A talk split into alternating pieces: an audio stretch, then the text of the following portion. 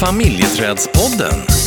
För dig som är intresserad av bonusfamiljer, föräldraskap och relationer. Sänds i samarbete med Familjeträdet AB. Nu kör vi!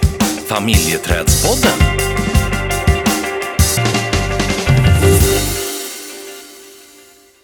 Alltså vilka fina recensioner du har fått på din bok. Ja, alltså eh, det är helt fantastiskt.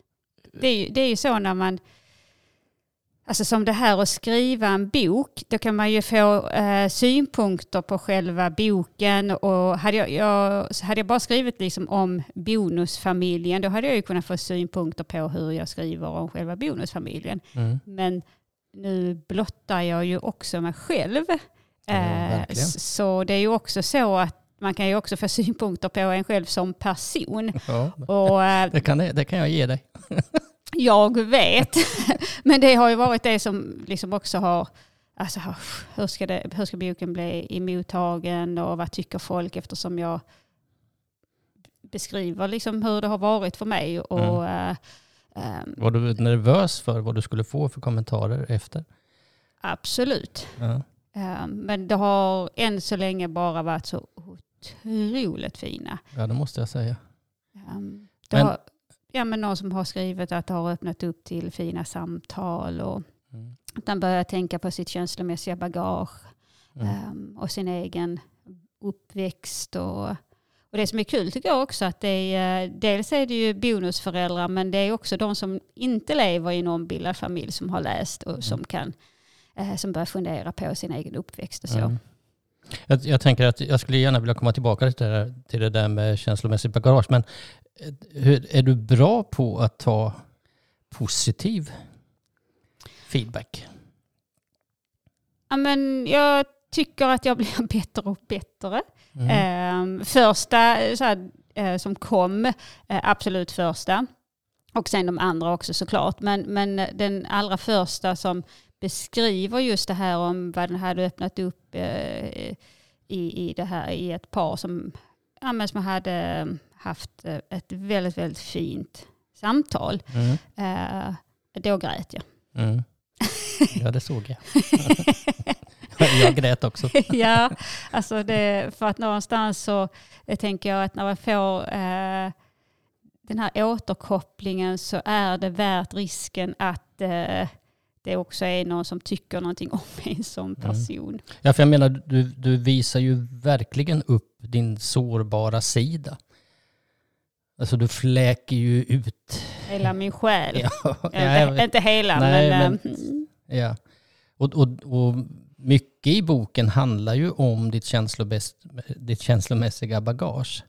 Och eh, vad det är du har med dig och kanske också en förklaring till var, varför ditt bagage ser ut som det gör. Mm. Det, ja, och, och jag tycker att för min del är det så otroligt viktigt att någonstans eh, börja öppna upp för de här eh, sidorna. Inte liksom hos mig så, men, men för att vi ska kunna börja prata om saker på ett annat sätt. Att vi kan få lov att visa de här sidorna som vi kanske går runt och bär på och känner skuld och, och skam över. Och, eh, för att Mm. ja, man tycker att det är jobbigt för att man vet inte hur det ska bli emottaget och för att man kämpar med det själv. Mm. Eh, och eh, jag tyckte jag att ja, men jag vill göra det här för att vi ska se att även om, som jag skriver också, att jag har utbildning, jag har jobbat med, med familjer i olika konstellationer och ändå så kraschade vi i bonusfamiljen. Mm. Du skulle ju kunna skrivit en bok utifrån din professionalitet, men det, det gör du ju inte. Inte den här, nej. Nej, Den kommer. den kommer. Ja, Först blottar jag min själ, sen... Men Jag, jag, jag ser fram emot det för att som profession, professionell så kommer du inte att kalla mig för en skit tror jag. det, det var ju, eh, min son var ju här för, för eh, en stund sedan och fikade och då tyckte han ju att det, han hade läst den igår och eh, tyckte att det var vansinnigt kul att jag faktiskt kallade det en skit. sen, sen var han ju berörd på olika sätt Ja. utav boken utifrån Mm. Ja. Ja. sin bild. Men eh, det tyckte han var kul. Mm. Så han hade både gråtit och skrattat. det kan jag bjuda på. ja. Ja, men du, eh, tillbaka till det här med det känslomässiga bagaget tänker jag. Alltså, eh, vi har väl återkommit till det eh, i andra poddavsnitt, men jag tycker att det är värt någonstans utifrån din bok eh, att komma tillbaka till det. För eh, vi kan ju se ganska tydligt hur, hur det har påverkat vår relation, eh, både från din sida och min sida. Eh, och eh, just det här att eh, om jag tänker vidare omkring det känslomässiga bagaget så tänker jag att eh, eh, vi går in i gamla roller som vi, har, som vi har med oss, varken vi vill eller inte. Jag jag kan ta ett exempel som jag tror kan vara vanligt. Att eh, du har levt i en kärnfamilj eh, och du kanske har levt i den familjen ganska länge. Och sen har du haft din roll som partner och förälder. Och sen så bryter du upp kärnfamiljen, du går in i en bonusfamilj, du träffar en ny partner. Och eh, ja, då, då tänker man ju oftast att nu ska vi bygga någonting nytt. Och eh, sen har du kvar din relation i ditt föräldraskap till din ex-partner. Och jag tror inte att det är ovanligt att man går tillbaka till den rollen som man hade i kärnfamiljen. Så att du, du växlar i dina roller som kan påverka dina relationer till din nya partner och till dina barn. Eller ditt barn eller din om du har flera. Att, att, eh, att man... Eh, samma fenomen egentligen som kan hända när jag som vuxet barn träffar mina föräldrar, eller träffade mina föräldrar, nu är ju de döda. Men att jag, jag gick in i, även om jag var vuxen, så gick jag in i, mitt barn, i min barnroll. Och, och kanske tydligast när jag träffade min farmor och farfar egentligen, som jag hade mest kontakt med. Så jag var ju alltid liten och jag gjorde mig liten, även om jag var, jag, alltså jag blev ju någonstans, jag, jag suktade väl efter att bli omhändertagen, antar jag. Så. Men jag tror att fenomenet är, är ganska vanligt eh, om man också kopplar det till din roll som du hade i kärnfamiljen och eh, den rollen som du eh, får eller tar i bonusfamiljen. Mm. Hur tänker du omkring det? Ja, men jag tänker att du har helt rätt att det är lätt att hamna i de där olika rollerna. Eh, och att det går per automatik. Eh, och framförallt också om man har levt tillsammans i många år. Och eh, det kan ju också krocka i den nya relationen när man ser att ens partner går in i en gammal roll och kanske börjar ja, men, eh, hjälpa sin ex-partner eller prata på ett sätt eh, med sin ex-partner på ett sätt som där man förstår att det här är ett, ett sätt som eh, och ett språk som man har haft tidigare Mm. och ett sätt att förhålla sig till varandra och ett sätt att ta hand om relationen som man har gjort tidigare. Mm. Och det kan ju bli en, en rätt så Mm. häftig krock där Mm. för att då blir det ju liksom, ja men vänta lite nu, vad, vad är, är min partner i den relationen eller i, i den här relationen? Mm. Eh, och det tänker jag också, det kan ju vara mer eller mindre starkt utifrån hur separationen har sett ut till Mm. exempel. Mm. Om man har separerat för att man träffas, eh, träffat en ny eller om man har varit separerad i många år. Vem som har valt att separera. Mm. Ehm, det kan ju också ha en betydelse i hur man som ny partner känner. Mm. Eh, Men just det här att eh, man går i per automatik in i den där Mm. gamla rollen. Mm. Den kommer ju instinktivt Mm. på något sätt. Och jag, du, du sa ju också vid något tillfälle sådär att eh, vi träffar en ny partner och vi tycker ju eh, kanske väldigt, väldigt mycket om vissa sidor hos den nya partnern som är, eh, ja men det kan handla om generositet, snällhet, att vilja hjälpa till och, och, och i den nya relation, kärleksrelationen så, är, så tycker man att det är oh, vilka fina egenskaper den här personen har. Det här älskar jag. Och sen så ser du samma, samma eh, vad ska jag säga, personligheter till exet. Mm. Och då kanske du inte tycker att det där är så attraktivt. och, och så fint som du faktiskt tycker om jag då ger dig det. Och så, eh, eh, ja, det kan, det kan nog ställa till det. Ja, men då skapar det en osäkerhet ibland i, i den nya relationen. Att ja, men är, du, är du färdig med den relationen? Är, du lägger tid där men du lägger inte tid på oss eh, eller på mig. Jag blir bortprioriterad. Um, så att det kan ju dra igång uh, massor av olika saker. Och det kan ju också ha en betydelse hur mycket eller hur lite det drar igång på grund av ens känslomässiga bagage. Mm. Eh, som för min del som har övergivenhet som ett tema mm. i mitt känslomässiga bagage mm. eh, så skulle det dra igång. Mm. Eh, eller det skulle skapat en osäkerhet, i alla, i alla fall i början. Mm. Ehm, för att det finns, liksom, eh, ja, men det finns en övergivenhet mm. eh, och att det skulle krocka för att det var så känslomässigt jobbigt överhuvudtaget. Mm. Men hur tänker du då? Uh, du behöver inte svara på det här, men, men jag ställer frågan ändå. Vad han, om vi då tittar på den nya kärleksrelationen och den kommunikation som finns där och de uh, beteenden och agerande som, som händer där. Eh, så kan man ju se det från två olika håll egentligen. Att eh, dels så kan ju den som reagerar om, om vi säger då att det handlar om övergivenhet och, och rädslan för övergivenhet eh, så kanske man behöver jobba med den. Samtidigt som det finns en partner då som i sin personlighet eh, går, alltså går steg för långt i sin relation till sin ex-partner. För någonstans så hamnar ju personen i en lojalitetskonflikt. Mm. Det skulle kunna vara så. Och, och eh, hur tänker du omkring det? Ja, men jag tänker två olika saker. Ett är att eh, övergivenheten som jag, om jag nu utgår ifrån mig, mm. eh, den övergivenheten den får ju jag jobba med. Mm. Sen eh, om du skulle, vi säger att du skulle liksom gå för långt kring att, och vad nu är gå för långt, men att du skulle liksom lägga i väldigt mycket tid och engagemang på din ex-partner och att det skulle liksom få ta över att det inte fanns så mycket plats till oss eller att jag mm. inte skulle känna mig prioriterad. Mm.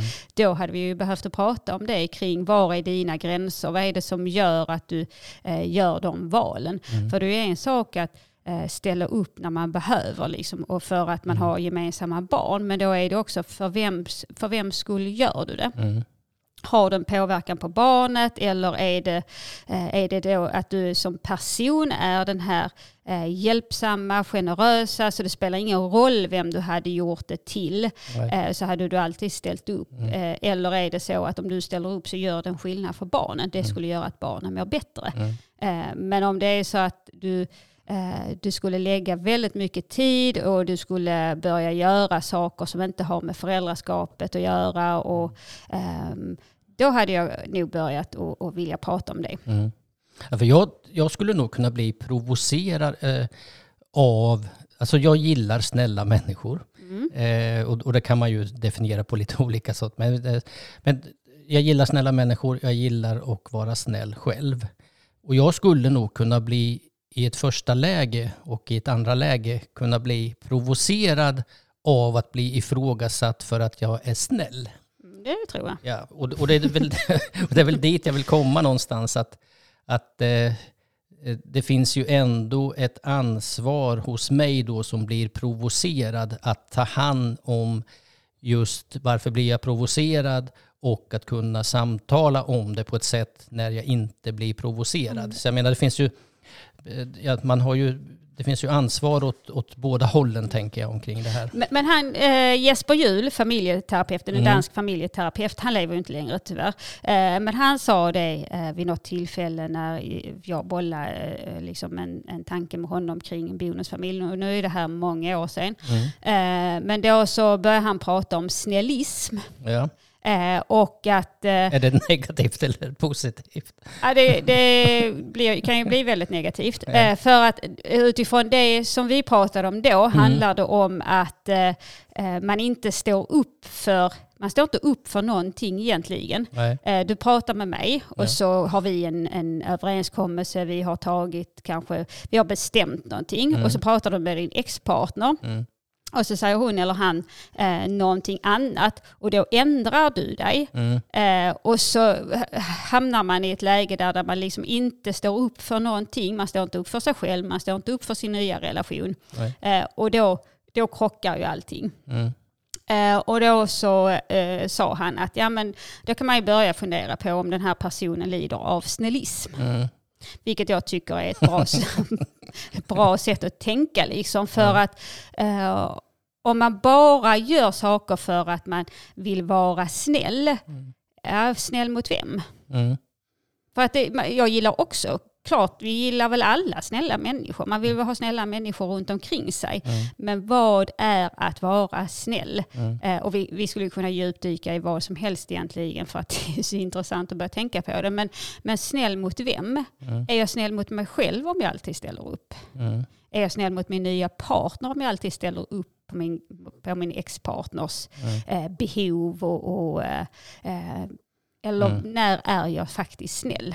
Alltså, när du beskriver det här med Jesper Juhl och snällism så alltså, det, då ser jag en vindflöjel eh, framför mig som, som snurrar åt alla olika håll och kanter. Och det är inte, det är inte riktigt dit. Eh, det är ju inte där jag vill vara. Att, att jag springer på alla bollar för att göra alla till lags och vara snäll mot alla. Nej, fast det, man kan ju hamna där. Eh, för att man också är en snäll människa och, och man hamnar där för att man kanske så här, ja fast nu är det barnens andra förälder och då vill jag ju ställa upp eh, för att jag vill vara en, en, en eh, bra förälder, jag vill vara en, en god medmänniska och en, en bra ex-partner. Mm. Men ibland får man kanske fundera lite på de valen man faktiskt tar. Mm. Ja men det absolut. Alltså det är ju, jag tänker ju inte sidosätta det. Eh, alltså det finns, man kan ju ha överenskommelser med personer som, som man behöver att stå upp för. Och, och det är väl klart att man behöver stå upp för en kärleksrelation. Mm, Eh, att, att, eh, det får man ju vara observant på. precis. Mm. Hur fasen hamnar vi här?